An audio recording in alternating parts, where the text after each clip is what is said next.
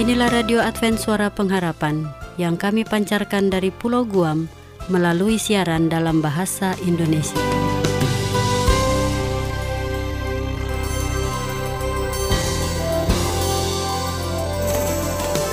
Salam sejahtera kami ucapkan kepada pendengar setia kami di mana pun Anda berada. Selamat berjumpa lagi dengan kami, Radio Advent Suara Pengharapan. Dengan senang hati kami akan menemani Anda dengan acara yang telah kami persiapkan bagi Anda dan keluarga.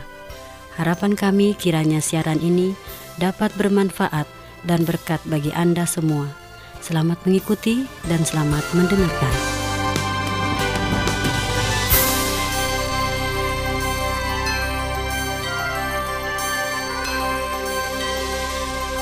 Pendengar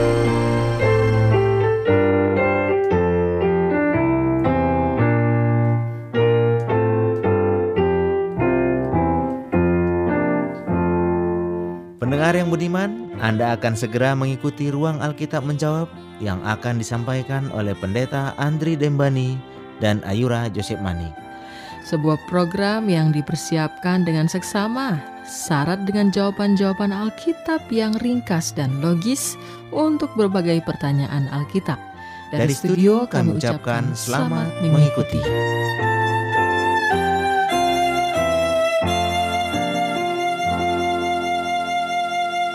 Dalam dunia banyak amat pencobaan kita. Kekuatan kita tak dapat mengalahkan dosa. Tetapi pada masih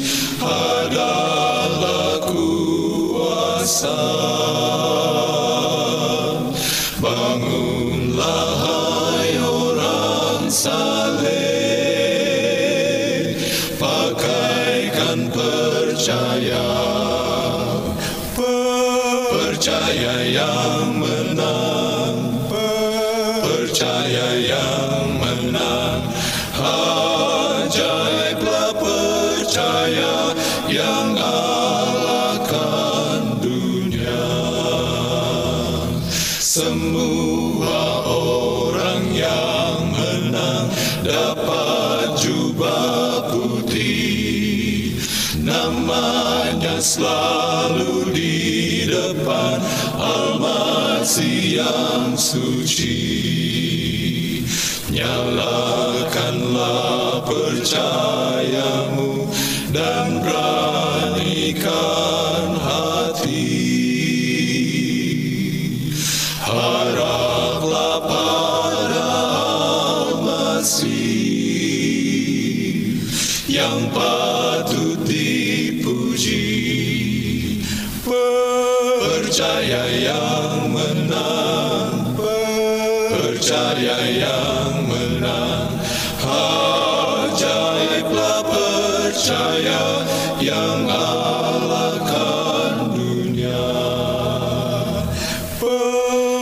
Percaya yang menang Percaya yang menang Ajaiblah percaya yang alahkan dunia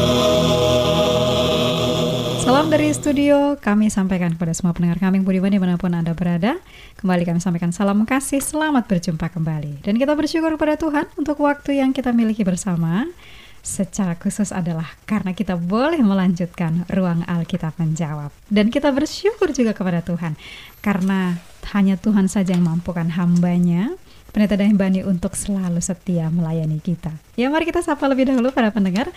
Selamat datang pendeta, terima kasih nih untuk pelayanan yang terus menerus. Bagaimana kabarnya? Luar biasa, puji Tuhan. Saya dalam keadaan baik-baik. Bagaimana Ayura sendiri?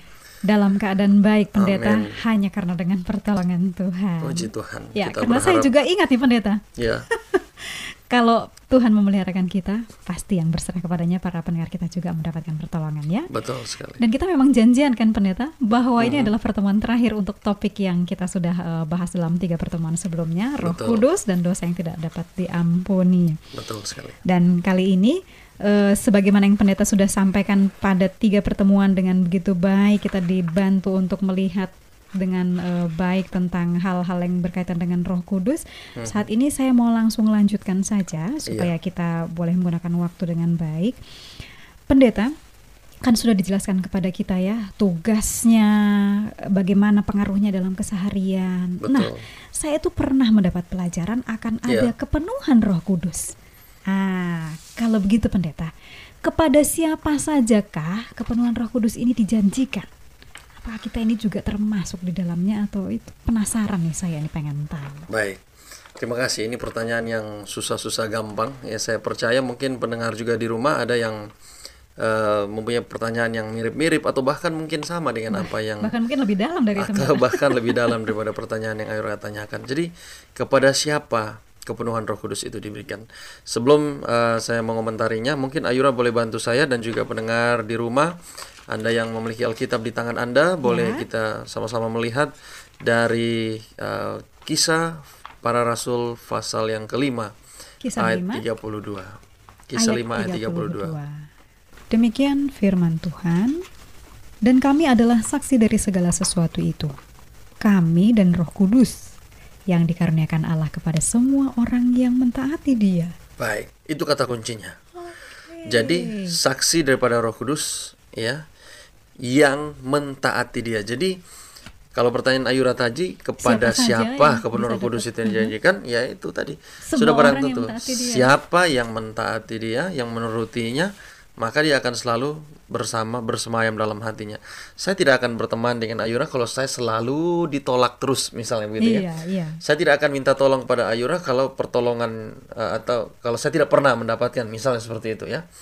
Penolong ini pun seperti Allah janjikan Roh Kudus itu adalah apa? Penolong yang akan Hmm. menghibur kita, memberikan pengertian. Masih ingat pembahasan kita yang lalu menginsafkan siapa? Setiap, manusia, akan manusia. dosa. Kalau kita tidak mau diinsafkan, bagaimana roh itu akan terus-terusan berada dengan kita? Melakukan tugasnya betul. Ya, jadi ayat tadi kita dapati bahwa roh itu, kepenuhan roh itu akan diberikan kepada mereka yang Mentaati menurutinya, mentaatinya. Jadi kepenuhan Roh Kudus ini khususnya diberikan kepada orang-orang yang setia dan menurut akan firman Tuhan dan khususnya menuruti akan Allah sendiri. Ada ayat lain yang mungkin bisa dapat menguatkan ini. Ayura boleh tolong bantu di dalam Yohanes pasal 14 ayat yang ke-15 dan 16. Baik, ayat yang ke-15, jikalau kamu mengasihi aku, kamu akan menuruti segala perintahku. Ayat yang ke-16, Aku akan minta kepada Bapa dan ia akan memberikan kepadamu seorang penolong yang lain supaya ia menyertai kamu selama-lamanya. Jadi itu satu rangkaian. Kalau kita mengasihi Allah, kita akan menurut perintah-perintahnya. Dan kalau kita sudah menurut, Yesus katakan, saya akan meminta kepada Bapa untuk mengirimkan apa? Penolong bagi kita. Bukankah ini satu kabar baik untuk kita? Iya, Iya kan? betul. Satu biasa jaminan pendeta. singkat, sederhana. Turuti apa kata Tuhan dalam firman-Nya. Dan kalau roh itu berbisik kepada kita, ya ikuti apa yang dituntun kepada kita. Jadi itu yang eh, bisa saya berikan untuk pertanyaan Ayura tadi kepada siapa kepenuhan roh itu diberikan kepada kita yang selalu setia menurut akan Allah. Maka eh, Yesus akan meminta Bapa untuk memberikan penolong kepada kita. Baik, terima kasih pendeta. Itu jelas sekali uraian Alkitab ini ternyata buat kita. Betul. Nah, saya tertarik kepada ini. Jadi kalau kita sudah mentaati, lalu kita menerima yang Yesus minta dari Bapa yaitu Roh Ya. Kudus, ada nggak itu perbedaan yang jelas dalam hidup kita? Perbedaan apa sih yang Roh Kudus itu? Ya istilahnya itu kan jadi cerminannya gitu lah ya pendeta ya perbedaan yang dilakukan oleh Roh Kudus dalam hidup kita. Baik. Saya pikir kurang bagus juga kalau kita hanya belajar belajar dan secara secara teori saja kita Nggak tahu praktek. kita mengerti dan kita, tidak ada prakteknya dan tidak ada sesuatu yang dapat kita aplikasikan dalam kehidupan kita. Ya, nah ini kalau boleh saya katakan kira-kira inilah aplikasinya. Hmm. Apa yang saya maksudkan di sini adalah mungkin Ayura boleh bantu saya. Kita mulai dulu dari Galatia pasal 5 ayat yang ke-16. Pendengar di rumah Anda yang memegang Alkitab boleh buka ya, kitab Galatia pasal 5 ayat yang ke-16. Galatia 5 ayat, Ayat yang 16, ke-16. ayat 16. Maksudku ialah hiduplah oleh roh, maka kamu tidak akan menuruti keinginan daging. Nanti saya minta Arya untuk baca ayat yang selanjutnya. Baik. Saya mau komentari dulu di sini. Oke. Kalau kita hidup di dalam roh, maka kita tidak akan dikuasai oleh nafsu daging. Ini dua kehidupan yang saling bertentangan satu dengan yang lain. Jadi baik, selera baik. kita pun hawa nafsu, keinginan kita semua Mm-hmm. itu dituntun oleh roh. Jadi lebih kepada kehidupan yang rohani ketimbang keinginan-keinginan daging. Apa sih sebetulnya mungkin keinginan daging? Ya macam-macam, selera, hawa nafsu, hawa nafsu dunia. Semua itu adalah ya kalau kita bahas ini banyak sekali, tapi Ya, secara mungkin nanti singkatnya seperti itu. mendatang ya, Betul, ya. selera makan, selera yang tidak benar dan lain sebagainya itu semua digolongkan pada keinginan-keinginan daging. Dan bukan itu yang uh, roh inginkan. Yang dia inginkan adalah hidup di dalam roh supaya kalau kita sudah hidup dalam roh, maka yang dihasilkan juga adalah apa? Buah-buah Buah-buah roh. Buah roh, betul. Buah-buah roh. Coba lihat, bantu lagi baca di dalam ayat yang selanjutnya, masih dalam pasal yang sama. Baik. Kisah pasal 5 mulai ayat 22 sampai saya pikir mungkin 23 kali. Kisah ya. Ya. Kisah Eh sorry, Galatia maksud saya. Galatia Galatia 5 5, ayat 22 Ayat 22. Tetapi sampai 26. buah roh ialah kasih, sukacita, damai sejahtera, kesabaran, kemurahan, kebaikan, kesetiaan, kelemah lembutan, penguasaan diri. Tidak ada hukum yang menentang hal-hal itu. Betul. Terus sampai ayat yang ke-25. Barang siapa menjadi milik Kristus Yesus, ia telah menyalibkan daging dengan segala hawa nafsu dan keinginannya. Ayat 25.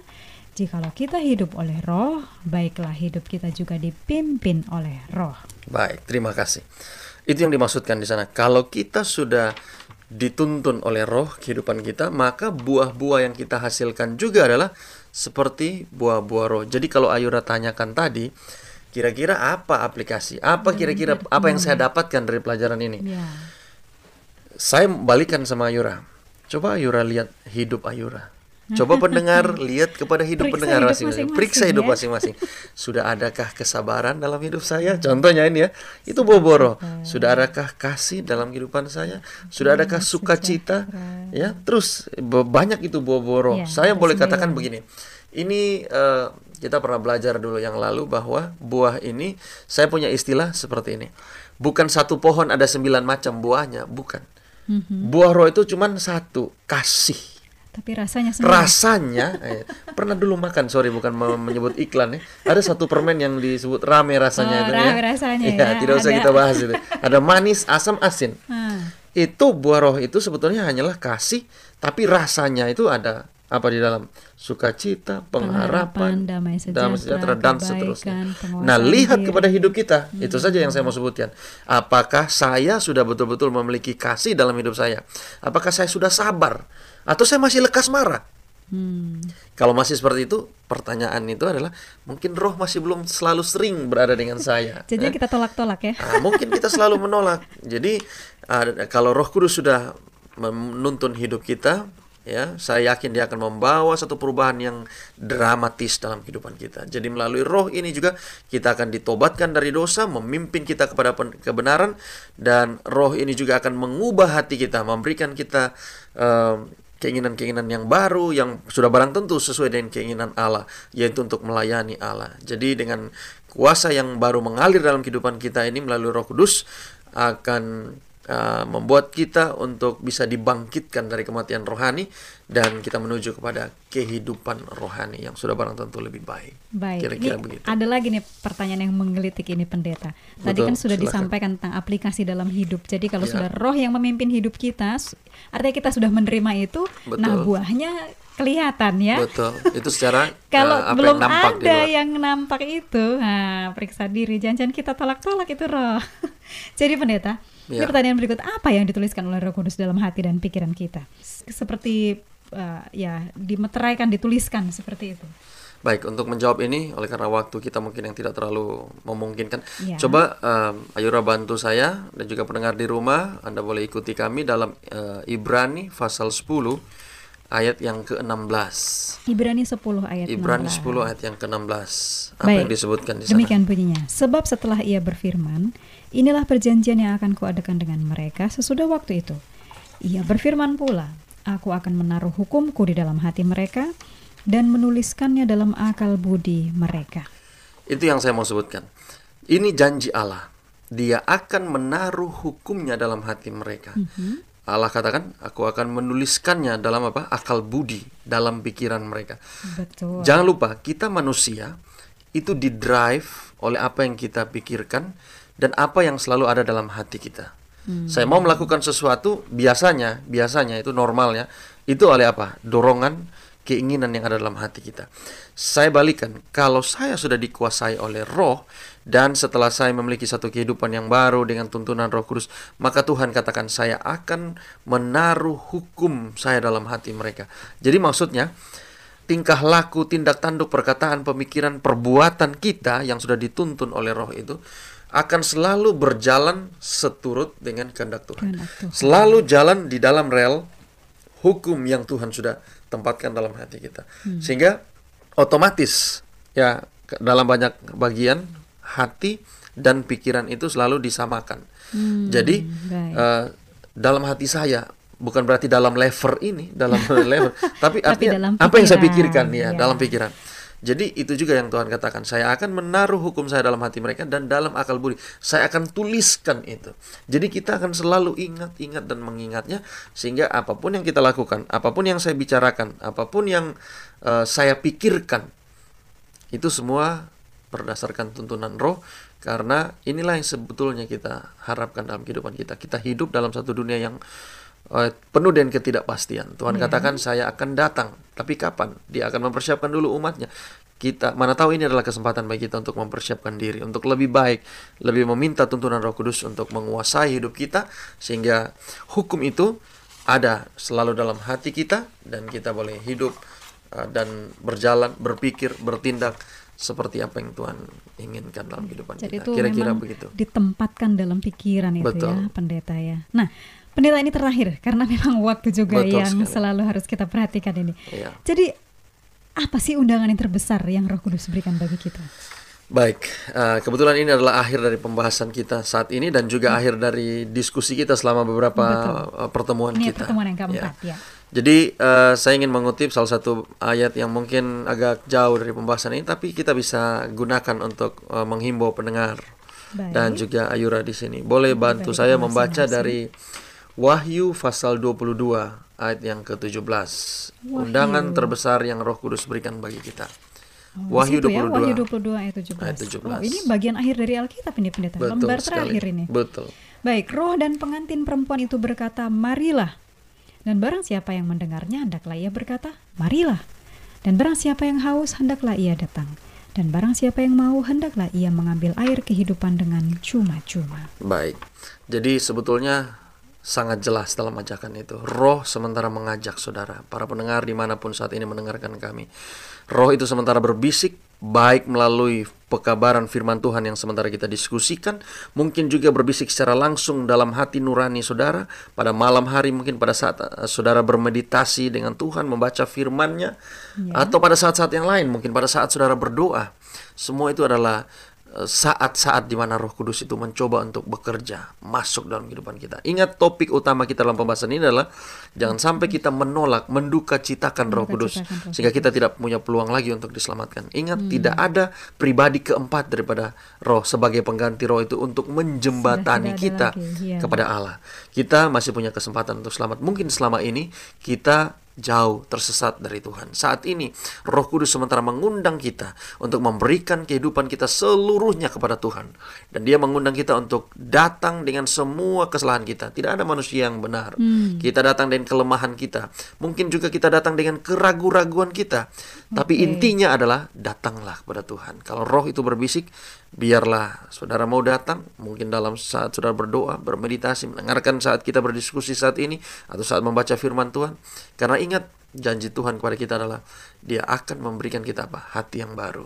Dia yang akan baru. tempatkan, dia akan tuliskan Hati dan pikiran. dalam hati dan pikiran kita. Maka saya yakin dan percaya ini akan menuntun kita kepada satu awal yang baru yang penuh dengan kesegaran secara rohani dan berkat Tuhan pasti sudah akan nikmati.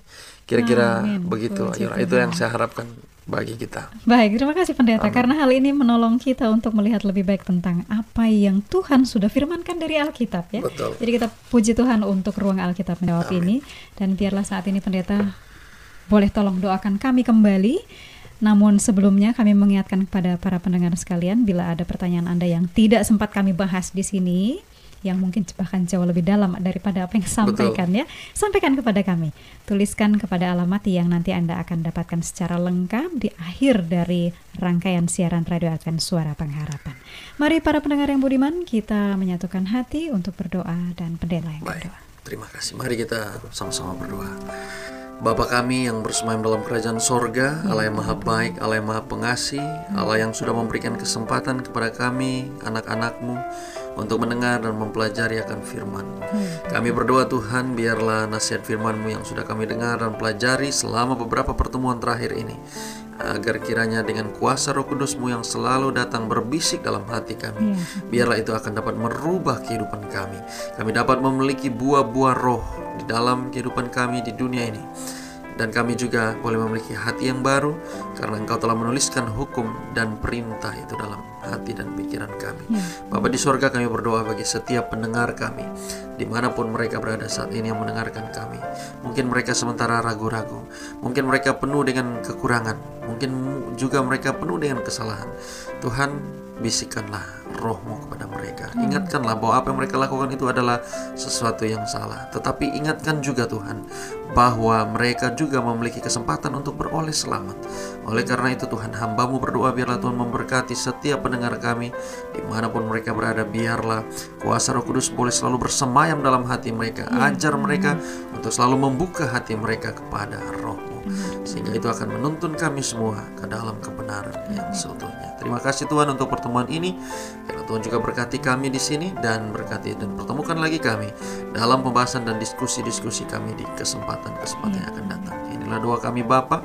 Kami mohonkan semua ini serai mohon ampun akan dosa dan kesalahan kami. Di dalam nama anakmu Yesus Kristus kami berdoa. Amin. Amin.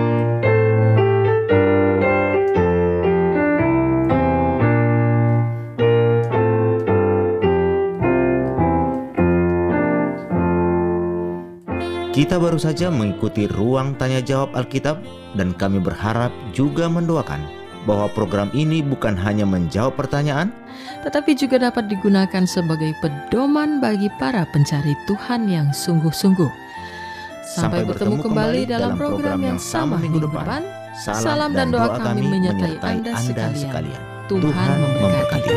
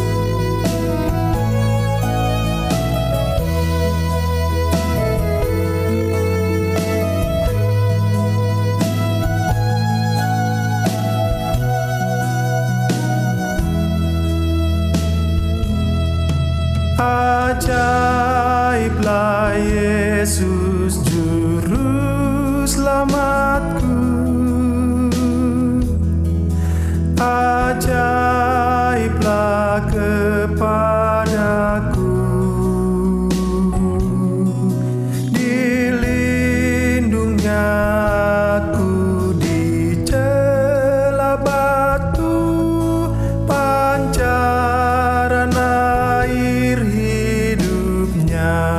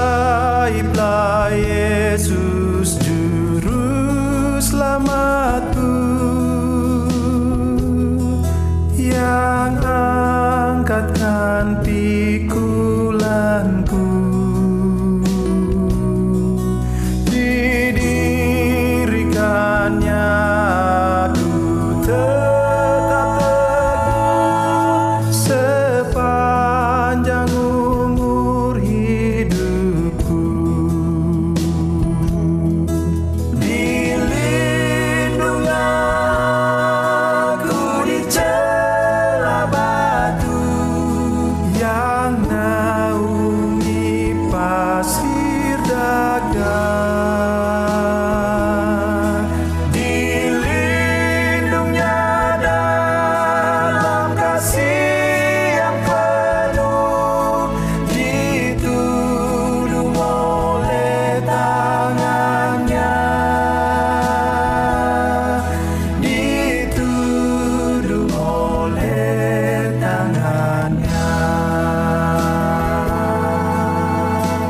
Demikianlah rangkaian acara yang dapat kami persembahkan hari ini.